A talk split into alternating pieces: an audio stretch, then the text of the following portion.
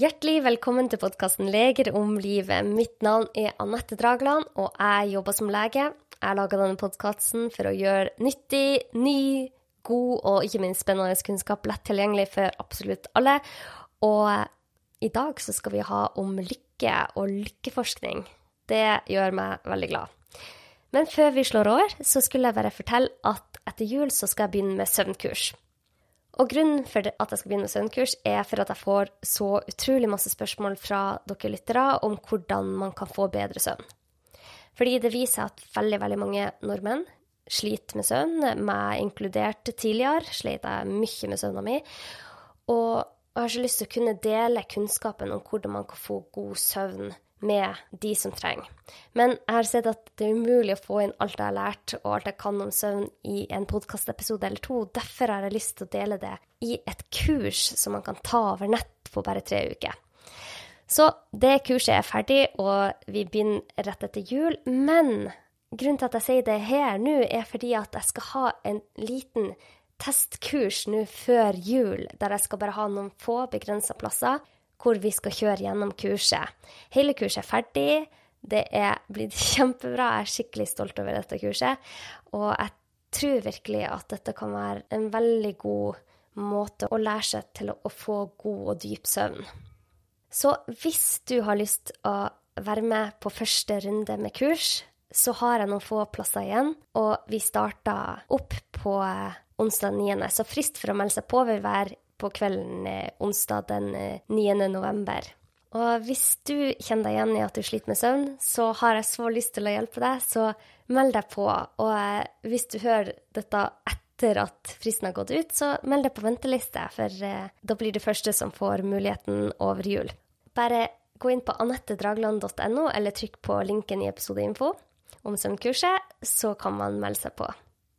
Og med det så setter jeg over til dagens episode om lykke.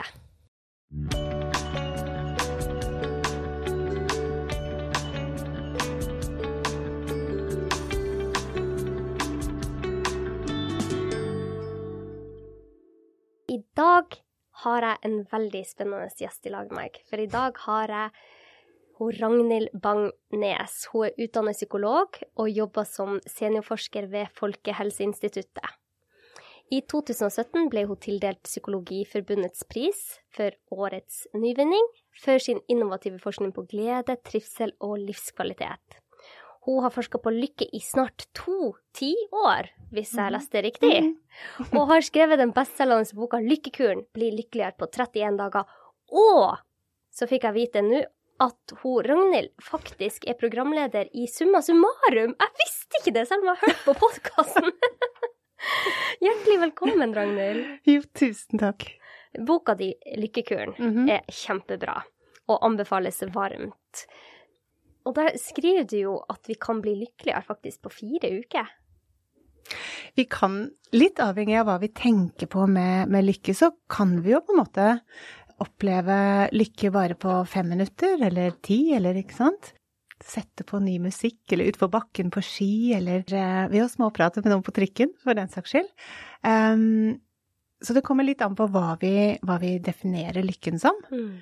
Men i den grad den handler om positive opplevelser som styrker og ruster oss og som gjør oss glad, så, så er det klart at um, det, det, kan vi få til på kun kort tid. Men, men, det å gjøre store, varige endringer i livet, det er jo mer en sånn pågående reise. Mm vi er jo på en måte ikke laget for å være lykkelige og euforiske eller eh, hele tiden.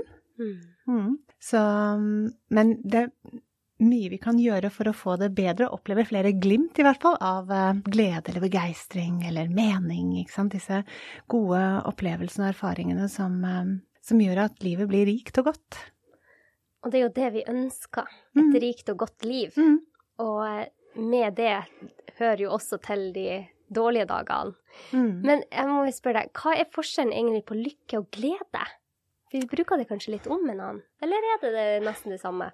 Jeg, jeg tror at mange, i mange sammenhenger så tror jeg vi bruker de nesten som synonymer.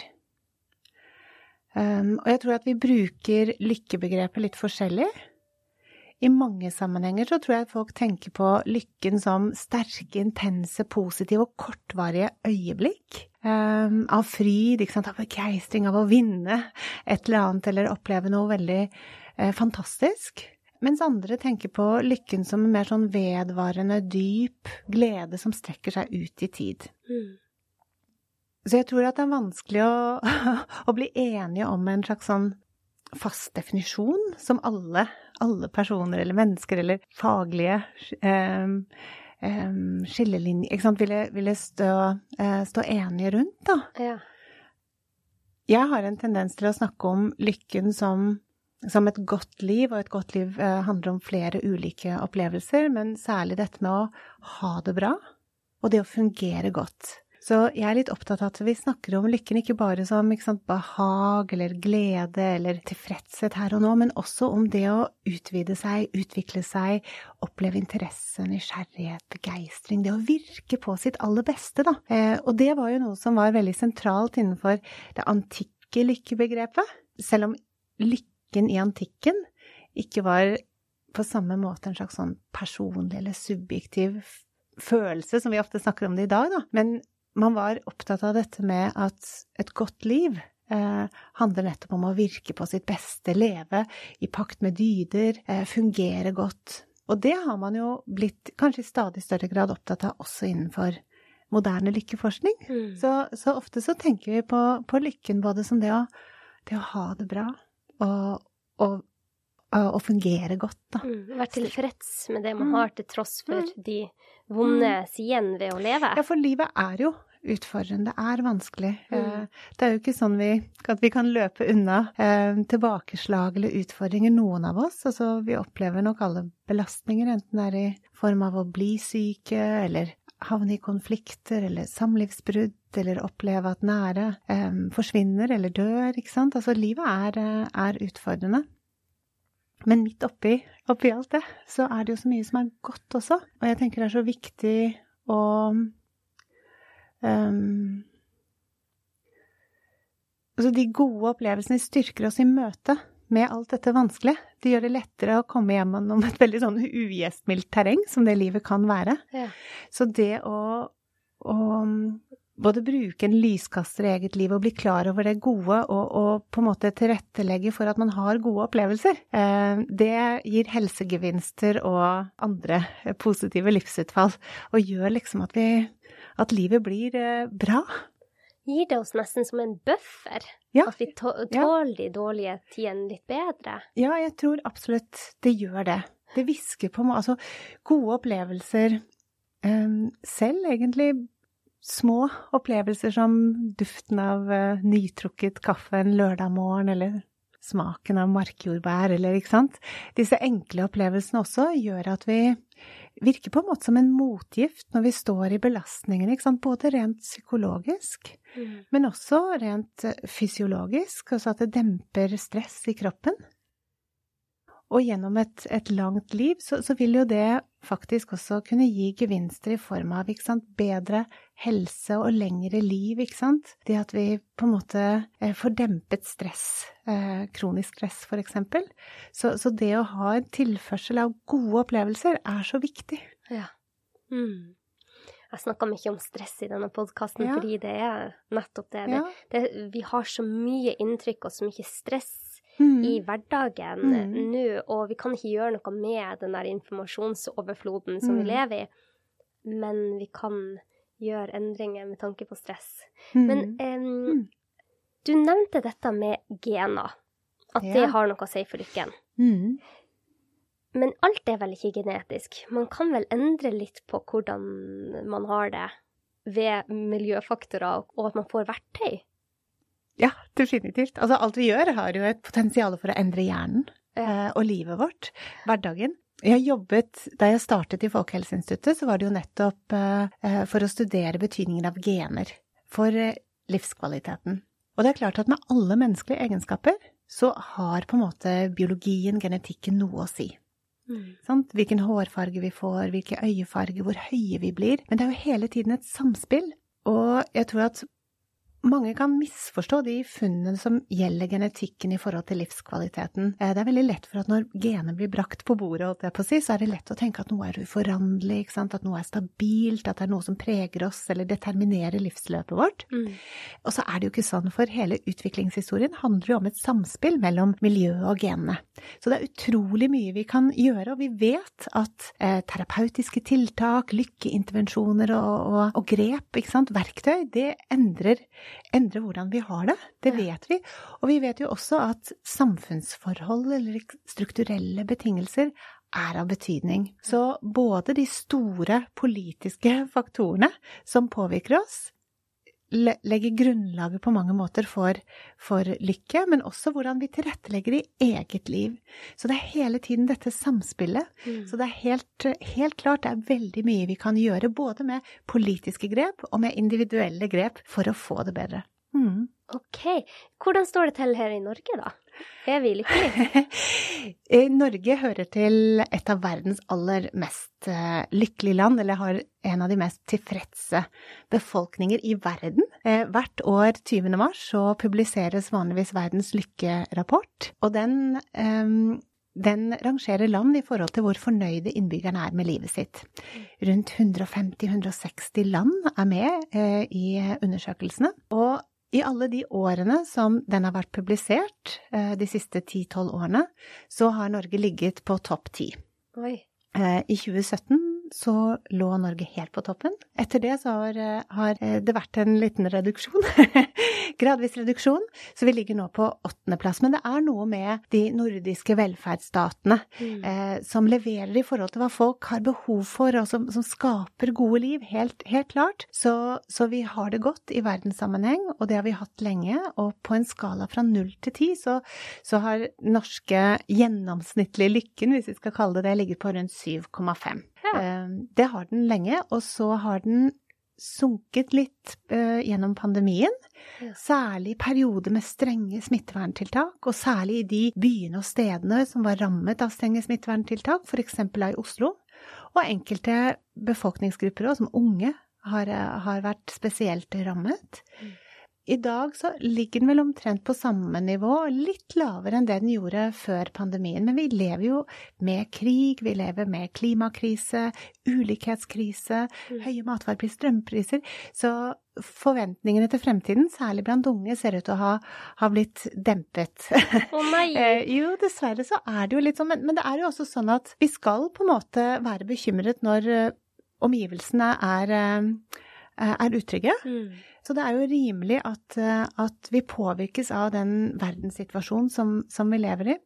Eh, og skal vi være veldig glad for at vi scorer så høyt og, og har det så bra her som, som det, vi, det, vi, har. Mm. En ting som allikevel er litt sånn viktig å, å få frem, er at den norske lykken, eller livskvaliteten, er veldig skjevfordelt. Så selv om vi scorer i gjennomsnitt veldig høyt, så er den veldig ujevnt fordelt i befolkningen. Vi har en god del, eh, og majoriteten, som er veldig godt fornøyd, som opplever gode relasjoner, trygg økonomi, som opplever sant, tilhørighet til stedet man bor, osv. Så, videre. så på alle måter opplever livet veldig godt. Det er ofte ikke sant, folk som lever i parforhold, som har trygge, sikre jobber, som har god helse. Eh, og så ser vi at noen grupper faller eh, veldig utenfor. Og det er jo da særlig folk som ikke er integrert i ja, studier eller, eller, arbeid, altså meningsfylt virke, som lever med funksjonssvikt eller sykdom.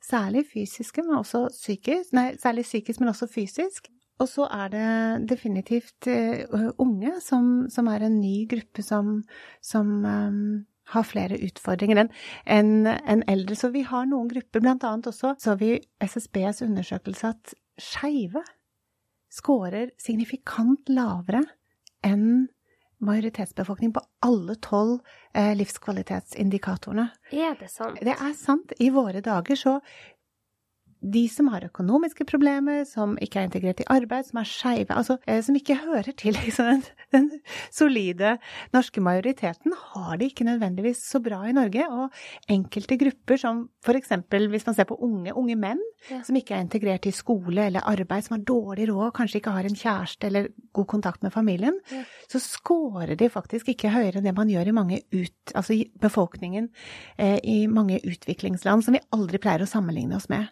Tenk så, det. Ja, det er, og, og, det å ha en sånn ulikhet er vi nok ikke tjent med, ikke sant. Det kan danne så mye uro og opplevelse av urettferdighet og noe av det som har karakterisert kanskje de nordiske velferdsstatene når det gjelder livskvalitet, at vi har på en måte holdt hele laget samla, pleier Harald Eia å si. Ja, at ja. vi, har så, vi har hatt mindre forskjeller mellom på en måte fattig og rik og ung og gammel enn, en mange andre land. Mm. Mens, mens, vi har nå en tydelig skjevfordelt, og kanskje også økende skjevfordeling. Vi vet jo at det er stadig flere som lever med ikke sant, lav inntekt, barn som vokser opp i fattigdom osv., og, og at Mental helse øker, ja. altså mm. Ensomheten, særlig blant unge. Så, så, vi har mye å ta fatt i, og det er viktig å tenke på at vi er, um, vi er ulike grupper i det landet her. Men når du sier unge mennesker, mm. er det flere unge som sliter med Mm, altså mental helse eller det å ikke føle seg lykkelig mm. nå enn for bare ti år siden? Ja, de største forandringene har vi sett i, i psykisk helse eller depresjon, stress, eh, angstlignende problemer. Mm. Men, men, også når det gjelder uh, livstilfredshet. Um, mm. Og ikke minst dette med fremtidsoptimisme. Hvis vi ser på ungdatatall, f.eks. Mm. Over de siste årene, så ser vi at det har vært en um, en forandring, og at forandringen ikke bare har med pandemien å gjøre, ikke sant. Ja. Så det har vært en, en, nedgang i den psykiske helsa mm. og fremtidsoptimismen til, til, unge, og en økning i ensomheten. Det er bekymringsverdig. Veldig. Men når du kom inn hit, så hadde du, fortalte du om en ganske morsom ja. trikketur du hadde ja, ja. ned hit. Uh, og så sa du det at um, for, for, lykken vår så er ikke mm. det bare de så nære relasjonene som har betydning. Kan du mm. fortelle litt om det? Ja, altså det er jo helt klart i både lykkeforskningen og psykisk helseforskningen så er det veldig klart at dette med relasjoner, bånd, er noe av det aller viktigste for at vi skal både oppleve glede og stå støtt i kriser. Mm. Og så har det vært veldig mye fokus nettopp på de nære båndene, ikke sant. De familiære, de gode vennene, de gode, gode naboene. De vi inviterer til jul, eller ikke sant. Ja. Men så viser det seg at også de mer løse relasjonene er så viktige for at vi har det bra de andre foreldrene på klassetrinnet, folk vi møter i butikken, eller de som sitter bak kassen, mm. enten på Rema eller når vi handler kaffe. De, de, andre som vi dumper borti, og som vi kanskje kjenner litt, eller ikke i det hele tatt, på toget. Mm. Man har gjort en del sånne eksperimentelle studier av småprating over en kaffedisk, for eksempel, eller, eller pendlertog. Og selv om folk tror at de ikke vil på en måte få et løft av en samtale med en fremmed eller halvfremmed, så gjør de det. Stort sett. Ja. Og så ser man at noe av det som skapes nettopp med sånne type møter, er en opplevelse av tilhørighet. Mm. At vi opplever en form for fellesskap, at vi er liksom del av en, ja, et samfunn eller en, en, kultur eller et nabolag. ikke sant? Og sånne type møter gjør at, at selv på en måte storbyen kan føles litt som en landsby. da. Ja. Eh, så det å fokusere både på de nære, men også de løse båndene er så viktig. Og, og, det er kanskje litt sånn skummelt at i mange sammenhenger så vi, vi handler, handler, ikke lenger over kassen. Det er så mye som er automatisert, ikke sant. Som kanskje bidrar litt sånn negativt, rett og slett. Mm. Fordi, og jeg, så før pandemien man har fokusert mye i lykkeforskningen på dette med at pendling Pendling er en liksom ordentlig lykketyv, da. Um, I hvert fall hvis man ikke pendler sammen med noen man kjenner veldig godt og trives godt. Men så er de fleste opplever pendling som en, en eh, livskvalitetsrøver. Men under pandemien så begynte folk å savne det. Oi. det var en rapport fra Transportøkonomisk eh, institutt eller noe som viste til dette. Så, så, det er noe vi trenger, og som faktisk er en, eh, er en helsefaktor også. Og jeg, når du sier det, så, så, føles det rett for meg òg. Mm. Altså, bare på min lokale meny, så mm er det en så utrolig flott fyr som jobber i, eh, på Meny der. Mm. Og jeg blir glad hver gang jeg ser han. Ja, ja, vi, vi snakker alltid over. Hvis, hvis han er i den ene kassa, så går jeg alltid dit, Mm. for han er så utrolig fin fyr. Og så husker jeg eh, for um, noen måneder siden, så sa jeg det til han at jeg syns du er så dyktig i Mm. jobben din, og du gjør en så god jobb, og takk for at du gjør dagen min bedre. Og, så, og da fikk han helt tårer i øynene, og så sa Ja. han tusen takk, du vet ikke hvor mye det betyr for meg. Mm. Og så tenker jeg hvor det, det gjorde både meg veldig godt, og så gjorde det Mm. han godt, at vi har så hyggelig relasjon bare Mm. liksom en dag i uka. Ja. Men jeg merker jo at det, det gjør meg glad. Ja. Og jeg blir glad når jeg tenker på han, for han er for en så fin fyr som gjør en kjempejobb på Ja. Meny. ja. Og er alltid opptatt av å ta vare på kundene. Så Mm. det, det er noe med de der eh, småpratene. Sånn som du hadde jo en veldig spesiell prat med en fyr på trikken. Det, gjør, det gir oss historier å fortelle. Det gir oss mye eh, glede, faktisk. Mm. så det handler kanskje ikke bare om at man må ha den der nære man kan fortelle alle hemmelighetene til. Men den, den praten man har over eh, når jeg kjøper meg en kaffe på et bakeri, har jo også mye å si. Og det, Ja, Det er er stimulering og, og, og overraskende ofte, ikke sant? Så, og det er også en faktor i livskvalitet, eller lykkeforskning. Dette med å Dette med variasjon. Variasjon er kanskje noe? Noe av det Vi har jo en tendens, vi mennesker, til å tilpasse oss det meste, på en måte. Vi er- blir lett litt sånn vanedyr. Så det å å rykkes litt ut av de vanene, eller ikke sant, den gjengse tralten, f.eks. da med et eh, møte med en helt ny og annerledes person, eller et artig øyeblikk, ikke sant, på et sted man ikke forventer det, er et løft i hverdagen. Mm. Men du var inne på dette med lykketyver og livskvalitetsrøvere, ja. som du sa. Hva er det som, hva er, det som er lykketyver, og hvordan kan vi gjøre de om til eh, lykke... Hva skal vi kalle det? Lykke, Lykkekilder? Lykkekilder. ja, det er nok veldig mye som kan røve det gode humøret vårt. Men det varierer nok fra person til person også. Mm. Eh, noe av det jeg har tenkt er litt sånn viktig når jeg formidler om eh, lykke, og i denne lykkekuren også, som jeg skrev, den boken, så er det jo det at det finnes ingen, ingen sånn lykkekur som virker for alle, for vi er, vi er litt forskjellige. Ja. Så den må på en måte tilpasses den man er, din preferanse eller personlighet, alder, eh, interesser osv. Men det er jo allikevel noen temaer som er veldig viktige. Så, så med det som bakteppe, da, så, så tror jeg nok det er eh, litt eh, forskjellige lykkekilder og lykketyver vi kan ha. Men, men stress tror jeg er en veldig stor eh, lykketyv for, for veldig mange i vår del av verden. Eh? Tidsklemma, alt man skal rekke over, forventninger om oppnåelser eller status, eller å, å få til alt på best mulig måte. Vi lever i en ganske sånn stressende, overstimulert tid. Men det er jo også helt andre type ting man kan, kan eh, føle som er eh, lykketyv. I boka så har jeg skrevet om sånne hverdagsopplevelser, eller så, som Og jeg har vel et kapittel som også handler om å omgjøre disse hverdagslykketyvene som ikke sant, rot og kaos i skuffer og skap, som jeg har, som ikke kanskje Siv Jensen eller andre litt sånn ryddigere personer har. Men, eh, Men tar det lykke fra oss? ja, det gjør det nok eh, tilsynelatende. Altså alle de tingene som blir liggende som en sånn murrer i bakhodet som vi ikke har ekspedert, ikke sant? Ja. E-poster man skulle sendt, men har utsatt betalinger som også åh, man ikke har rukket over. Sånne type små ting ligger faktisk ofte og som en slags sånn mental kløe i bakhodet. Ja. Og, og demper på en måte humøret, eller, eller skaper en sånn vedvarende liten sånn uh, kløe eller stressfaktor. Det man kan gjøre med sånne, er jo rett og slett brette opp ermene og ekspedere de. Det er veldig mye lykke i å liksom Bli ferdig med ting. bli ferdig med ting, altså få frem den skurebøtta og, og moppen. Eh, eller å rydde opp i den eh, skuffen, eller å få, få betalt den regningen. Så, så akkurat sånne type, selv små, små hverdagslige eh, lykkerøvere som det, kan gi oss et lite boost. Um, Det gjør oss kanskje litt mer tilfreds, da, på en måte. At vi får mindre uro, i hvert fall. Ja, og jeg tenker at det er eh, det er noe med å jobbe med å, få flere gode opplevelser i livet, ikke sant. Flere glimt av glede. Men når man fyller livet med morsomme, livsbejaende, gøyale ting halve dagen, og så halve dagen driver med ting som gjør en eh, stressa eller trekker en ned, så blir det på en måte det samlet sett ikke så mye lykke av det.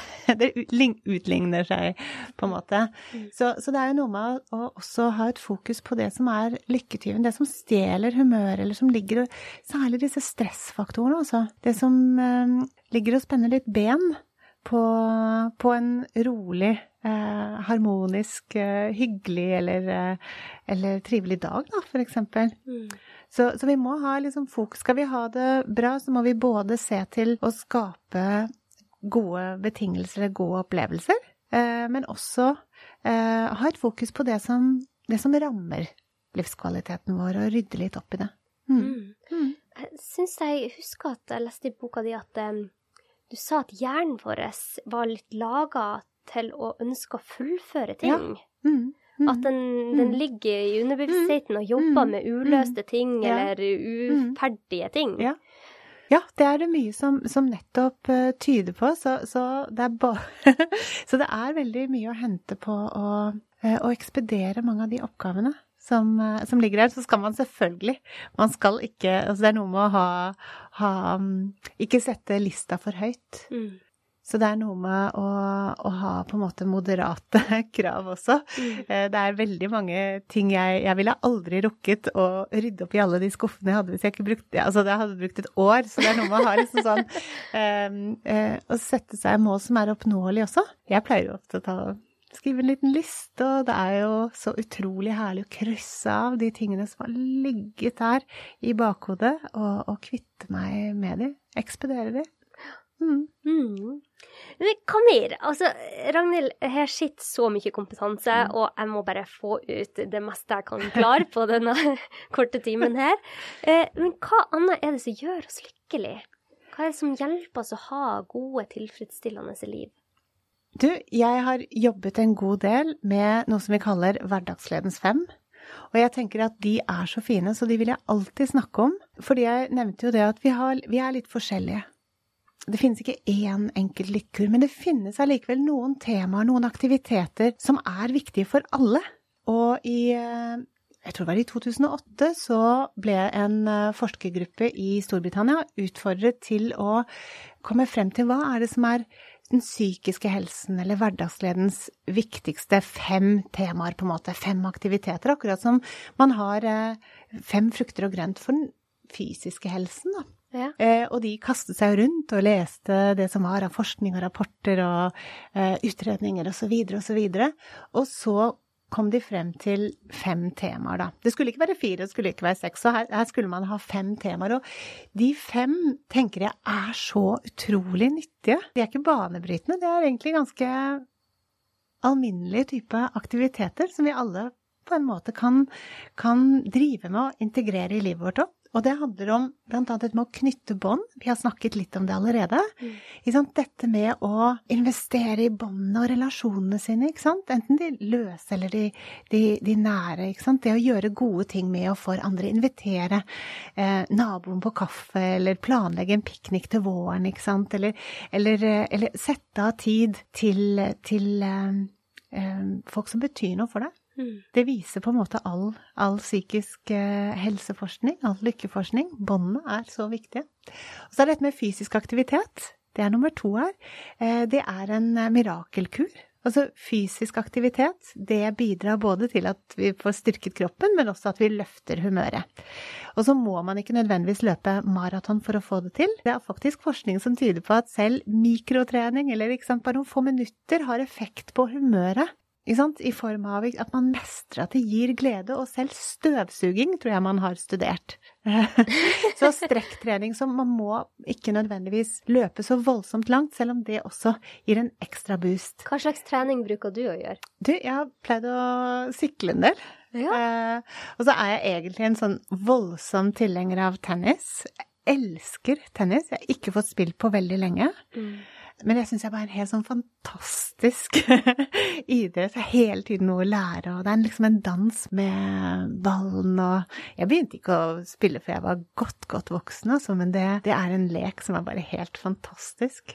Ja. Så, så, det Men man kan jo også bare gå en liten tur, ikke sant. Man kan danse på kjøkkenbordet eller stuegulvet, ikke sant. Altså, det er noe med å finne noen, en form for trening eller aktivitet som man trives med, og som man har muligheter rent sånn fysisk, ikke sant. Eller som man kan få til. Og så er det tredje, det er dette med Det må være til stede.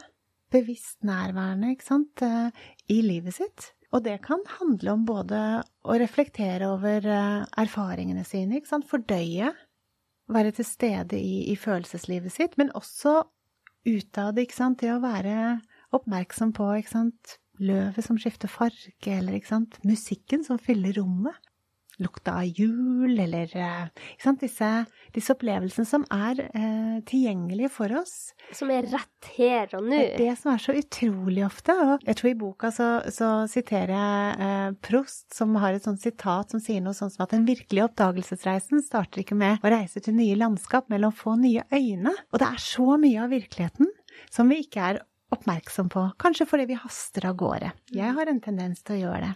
Men når man så stopper opp, ikke sant, bare ved å her og nå, så er det så mye vi kan ta del i, ikke sant? Mm. Lydene som vi har rundt oss akkurat nå, ikke sant? Eller, eller smaken av det vi spiser, eller eh, så, så, det er noe som er så tilgjengelig hele mm. tiden. og Og bærekraftig, veldig billig måte også å få et uh, løft. Naturen er jo en fantastisk kilde nettopp til, uh, til, tilstedeværelse. Så det er veldig mye forskning som viser til dette med ikke sant, mindfulness eller, eller, meditasjon, men også, og kanskje er effektene vel så store eller like store, av det å være til stede i sitt eget hverdagsliv. Mm. Hva som skjer i samtalen man nettopp er i gang med, eller Jeg tror i en studie som, eh, som, jeg leste, så var det også dette med å være til stede i oppvasken. I helt alminnelige hverdagsaktiviteter. Så det er en eh, veldig god og viktig kilde til, eh, til god livskvalitet. Det fjerde av disse fem handler om dette med å lære nytt. Og vi er jo sånne nysgjerrige, kunnskapssøkende organismer. Og det å stimuleres, det å lære nytt, det å oppdage helt nye verdener eller marker eller, eller um, bøker eller oppskrifter eller ikke sant, altså hva enn det måtte være, det er noe som er koblet veldig sterkt til det å, å og føle at man har det bra. Og predikere liksom hvor godt man syns livet er i morgen. Uh, det syns jeg var litt morsomt. Ja, ja. Fordi uh, det, jeg har gjort meg noen uh, tanker rundt etter jeg starta podkasten. Ja, så får jeg jo intervjue utrolig mm, masse mm, dyktige mm, mennesker som har engasjert seg veldig i et mm, tema. Mm. Sånn som deg. Du har mm. engasjert deg i lykkeforskninga. Og det som jeg syns går igjen hos gjestene mine, er at de virker så fornøyd med livet. Eh, og de er alltid i en læringsmodus. Mm. De, mm. de, fordyper seg mer og mm. mer i temaet. Mm. Og jeg tenkte at det, det, må være en veldig fin eh, lykkekilde, det der å ja. være engasjert i et tema. Ja. Ja, og det, det, er det. Det fins vel en del studier også som på en måte har, eh, har identifisert en måte en kobling mellom sant, dette med lærings... Altså områder i hjernen involvert i, i læring og konsolidering av uh, hukommelse og minner og kunnskap, og liksom belønningssenteret, da. Så, så, dette med å kunne fordype seg Det gir både en slags sånn mestring og stimulerer dette med nysgjerrigheten, eh, men også rent sånn biologisk sett, eller biokjemisk sett, så ser det ut, ser det ut som at uh, det er en, uh, en effektiv og, og, god kilde. Så akkurat det med Og det er litt derfor jeg ofte snakker om dette med Jeg bare tenker at det å hele tiden ta med seg at lykken handler om å ha det bra og oppleve disse behagsopplevelsene eller gleden, men det å også favne om denne begeistringen, nysgjerrigheten, ikke sant, dette med eh, Den siden av lykken er så viktig, og når vi har et bredere lykkeperspektiv, så åpner det også for flere veier og verktøy. Mm. Så dette med å lære noe nytt, altså, og det, det, trenger jo ikke være at du skal lære kinesisk eller spansk på en uke, ikke sant, det kan jo være å variere måten du lager eh, spagetti carbonara på. Bruke mer eller mindre stjerneanis eller Altså, det er så mange, mange måter å, å ja, stimuleres eller lære eller Ikke sant? Mm. Eh, som er lett tilgjengelige, og, og som ikke krever så mye. Mm.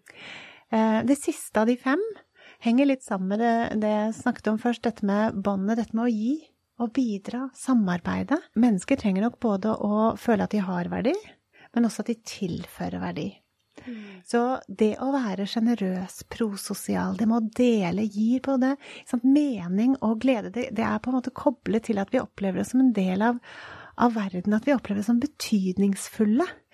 Eh, så det å melde seg som frivillig, eller gi oppmerksomhet til noen som trenger, det ta en telefon til noen som du vet kanskje er litt ensom, eller som du ikke har snakket med på en stund, det er en, en veldig, veldig god uh, kilde til også å selv få det bra. Så det blir en vinn-vinn-situasjon, da. Så disse fem er jeg litt sånn opptatt av, for de, kan, de er på en måte sånne åpne aktiviteter som man kan liksom Man kan, man kan flette det inn i det livet man har. Man kan gjøre det på litt forskjellige måter.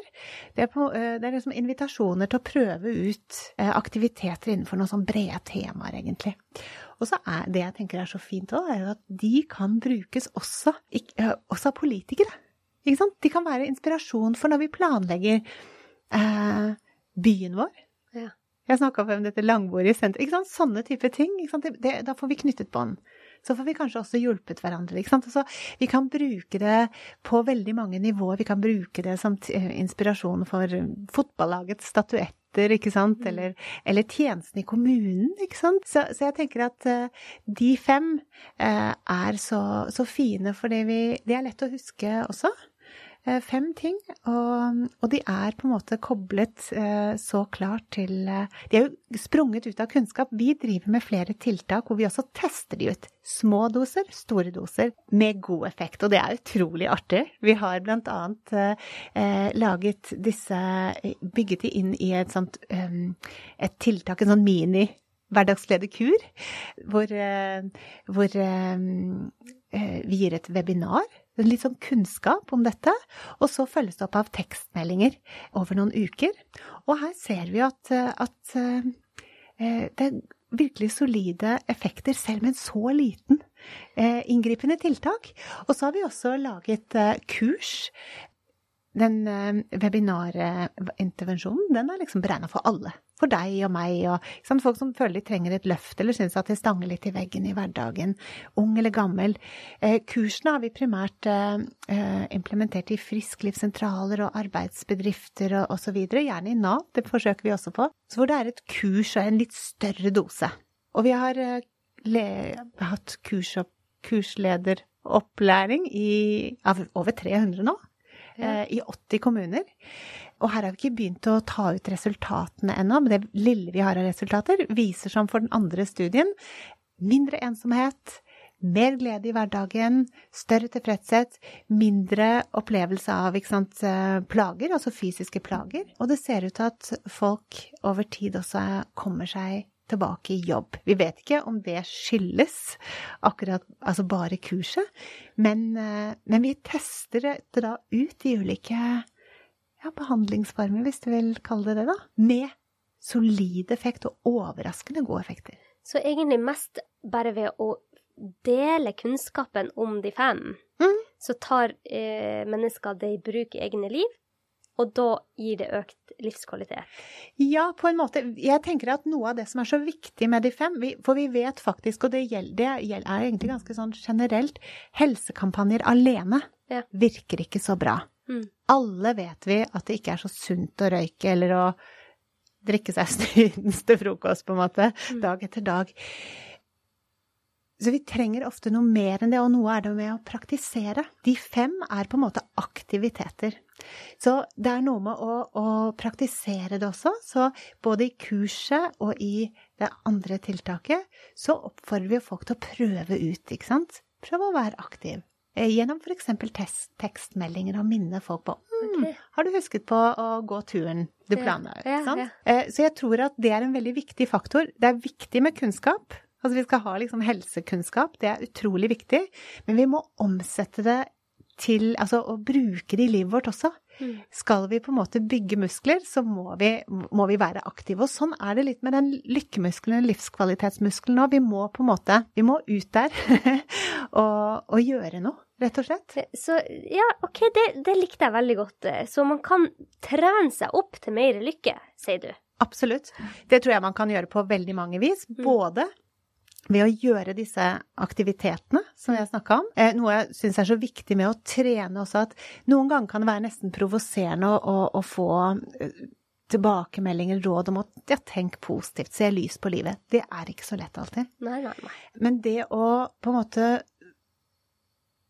gjøre på en måte Altså ta del i sånne aktiviteter, så kan man kanskje Altså det å jobbe med aktiviteter, så, så, så opplever nok mange at de får, får det bedre gjennom aktivitetene. Så jeg tenker at aktiviteter er så utrolig viktig, og at, at gode opplevelser ofte er som et slags sånn resultat av, eller biprodukt, ikke av, av sunne, meningsfylte aktiviteter. Jeg tror at altså når det gjelder dette med å trene, så det er klart at ja, hver eneste hverdag er jo full av sant, eh, hverdagsritualer, plikter og oppgaver. Vi skal lage middag, vi skal handle, vi skal hente, vi skal levere, vi skal ha ringt en telefon, vi skal ha vasket gulvet. Det er mange, mange helt vanlige ting som skjer hele tiden, og noe av det er ganske kjedelig, og noe er på en måte stressende. Og, eh, men midt oppi alt dette så er det også alle disse utrolig fine opplevelsene. Det kan være små ting som hun som smilte til deg da du satt på bussen, eller, eh, eller noe annet fint du opplevde. Og det å trene seg opp til å legge merke til det, kaste en lyskaste på de små og store positive opplevelsene som lett kan på en måte overskygges av hverdagslige gjøremål eller utfordringer, det er en fin måte å trene seg opp til et, et, å få det bedre, ikke sant? Det å vende en lyskaste mot alle disse tingene som, som er der, og som er lett å overse. Men ved å legge merke til det, så vier vi de mer plass både i hverdagen og i hjernen. Mm. Um, så, så, det er helt klart, vi er utrolig mye vi kan trene. Altså vi kan trene på å få det bedre. Vi kan trene på lykke.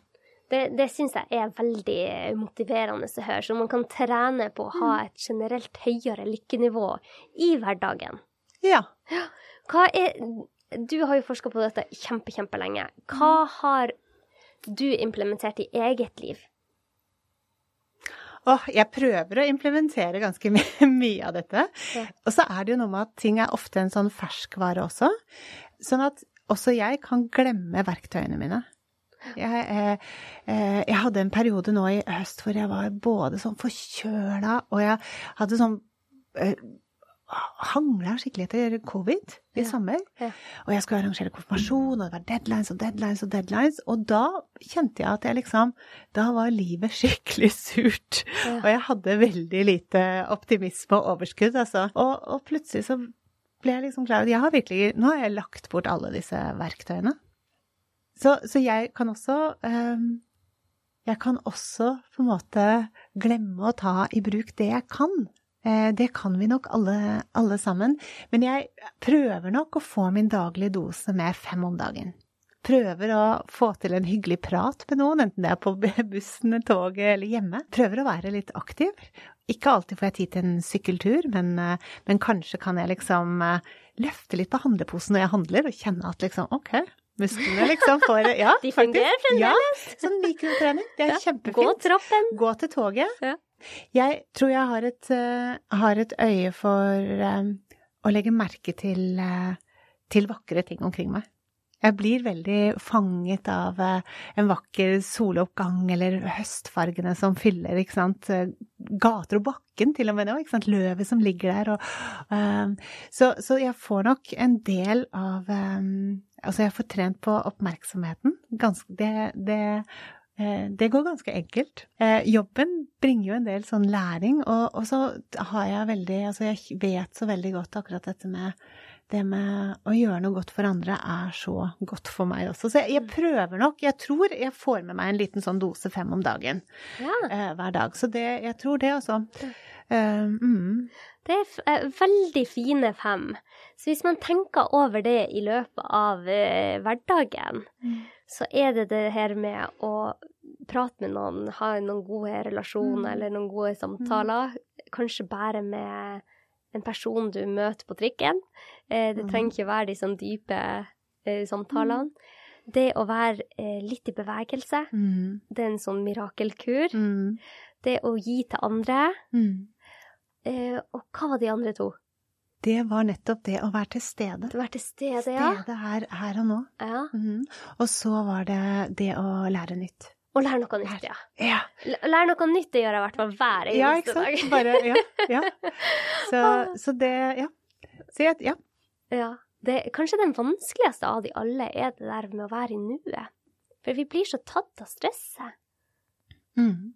Ja, for meg er det, er det nok ofte det. Jeg, jeg, akkurat det med å, å legge merke til noe vakkert omkring, eller musikken som Men, men, eh, men jeg, særlig dette med å Jeg tror det med å, å virkelig stoppe opp og tenke gjennom hva hva er det jeg egentlig opplever nå, eller fordøye en del erfaringer, eller reflektere over uh, hvor jeg skal? Eh, det er ikke jeg så, så god på ofte i den daglige, så, så jeg har eh, to timer hver tirsdag hvor jeg rusler opp i den gaten jeg bor, til eh, hemsen til en som heter Hanne, og hun er eh, Hun eh, serverer da til en liten gruppe av oss en sånn guidet kroppsreise. Vi ligger på en måte på, på gulvet i to timer. Og for meg er det utrolig fin opplevelse, for da setter jeg av tid eh, til noe som jeg ikke er så god til i hverdagen, til rett og slett å bare stoppe helt fullstendig opp. Og så blir jeg liksom et helt nytt menneske etterpå, når jeg Mm. går derifra. Mye mer mye mer tilstedeværende, mye mer bevisst på hvor jeg er, hva jeg trenger, hvor jeg skal gå. I mer metaforisk forstand, kanskje, men ikke sant, altså det, det er eh, det å passe på å sette av tid, og kanskje særlig tid til de, det man er dårligst på, for jeg tror at det med å Det er lett å gjøre de tingene vi har et talent for og naturlig dragning mot, ikke sant, hvis det er tennis for eksempel, ikke sant, eller, eller det å, å, og knytte bånd med andre, men det å vie litt ekstra tid, det man ikke er så god på. Så vi blir på en måte helere og Du vet, hvis man trener én muskel, så kan man bli litt sånn asymmetrisk. Det er lett å velte i en retning. Så, eh, så, så gjerne trene litt mer på det man kanskje er dårligst på. Mm. Det, det har jeg merka selv. Etter em, I de periodene jeg mediterer, Mm. så er mye Det er mye lettere for meg å komme tilbake til en tilstand der jeg er i nuet. Mm. Det er rett og slett en Mm. muskel som man trener. Ja. Så Ja. det å begynne med det Jeg husker for en stor forskjell det var i starten. Med, å, jøss, liksom. Jeg hadde ikke vært i nuet, følte jeg, på 20 år. Eh, og det har vært utrolig viktig for min, Ja. min egen mentale og fysiske helse. Ja. Så det, det er en muskel, og så høres det så kjedelig ut. Jeg husker når andre fortalte meg å, kanskje du skal prøve meditasjon. Jeg bare åh, snorker jeg holdt på. og Liksom. Ja. Det skal jeg ikke, liksom. Men så det var det en periode der jeg hadde lyst til å Mm. se på det selv. Mm. Og når jeg prøvde selv, så, så ser jeg at det virka for meg, og vi har alle Mm. våre ting. Sånn som bestemor, hun er jo vokst opp i en helt annen generasjon. Hun sitter og ser ut av vinduet etter middag, og Mm. bare Jeg tror det er en meditasjon for henne. Mm. Å bare se ut av vinduet Mm. og se på naturen. Mm. Vi har veldig mye å lære fra den generasjonen der, for de Mm. er mye mer i nuet. Mm. Eh, men ja, eh, jeg syns dette har vært en kjempespennende prat, eh, Ragnhild. Jeg har et siste spørsmål til deg. Mhm. For nå har du gitt dine beste tips. En del av de. Ja. Har, du, har du noen til du vil komme? Nei, jeg har Ja, nei, nei, jeg er ikke som jeg tenker på nå, men jeg, jeg har jo litt Altså dette med å ta i bruk naturen, eh, tror jeg er Og det kan man jo gjøre liksom naturen som en setting rundt alle de fem. Ja. Um, enten med å være aktiv eller til stede, ikke sant. Altså vi er liksom tropiske dyr som uh, som henter eh, næring også, og mental næring, av å være i, i det grønne. Og det ser man i mye forskning i dag også. Mm. Dette med, med hvordan vi gjenoppstår eller, eller restituerer i, eh, når vi har når vi er aktive, eller bare tilstedeværende i, i naturen. Ja. Så det er litt viktig, tenker jeg. Det, det i, På søndag så hadde jeg en dag som der ting føltes overveldende. Og Mm. så gikk jeg en tur med min gode venninne Tonje. Og det var helt utrolig, en Mm. halvtime ute i skogen, Mm. hva det gjør med Mm. mental helse, Mm. altså. Eh, men du, jeg har et spørsmål til deg, Ragnhild, eh, som jeg bruker å stille mine gjester Ok. På slutten. Og det er hvis du måtte forlate jorda i dag, Mm. og så ble alt du hadde sagt og gjort, viska bort. Uh. Utenom tre ting. Okay. Tre råd eller sitater du ønska at skulle stå igjen etter deg. Hva hadde det vært? Hmm. Ja, det første måtte jo ha noe å gjøre med dette med, med båndene. Eh, det med å investere i, i relasjonene. De gode relasjonene.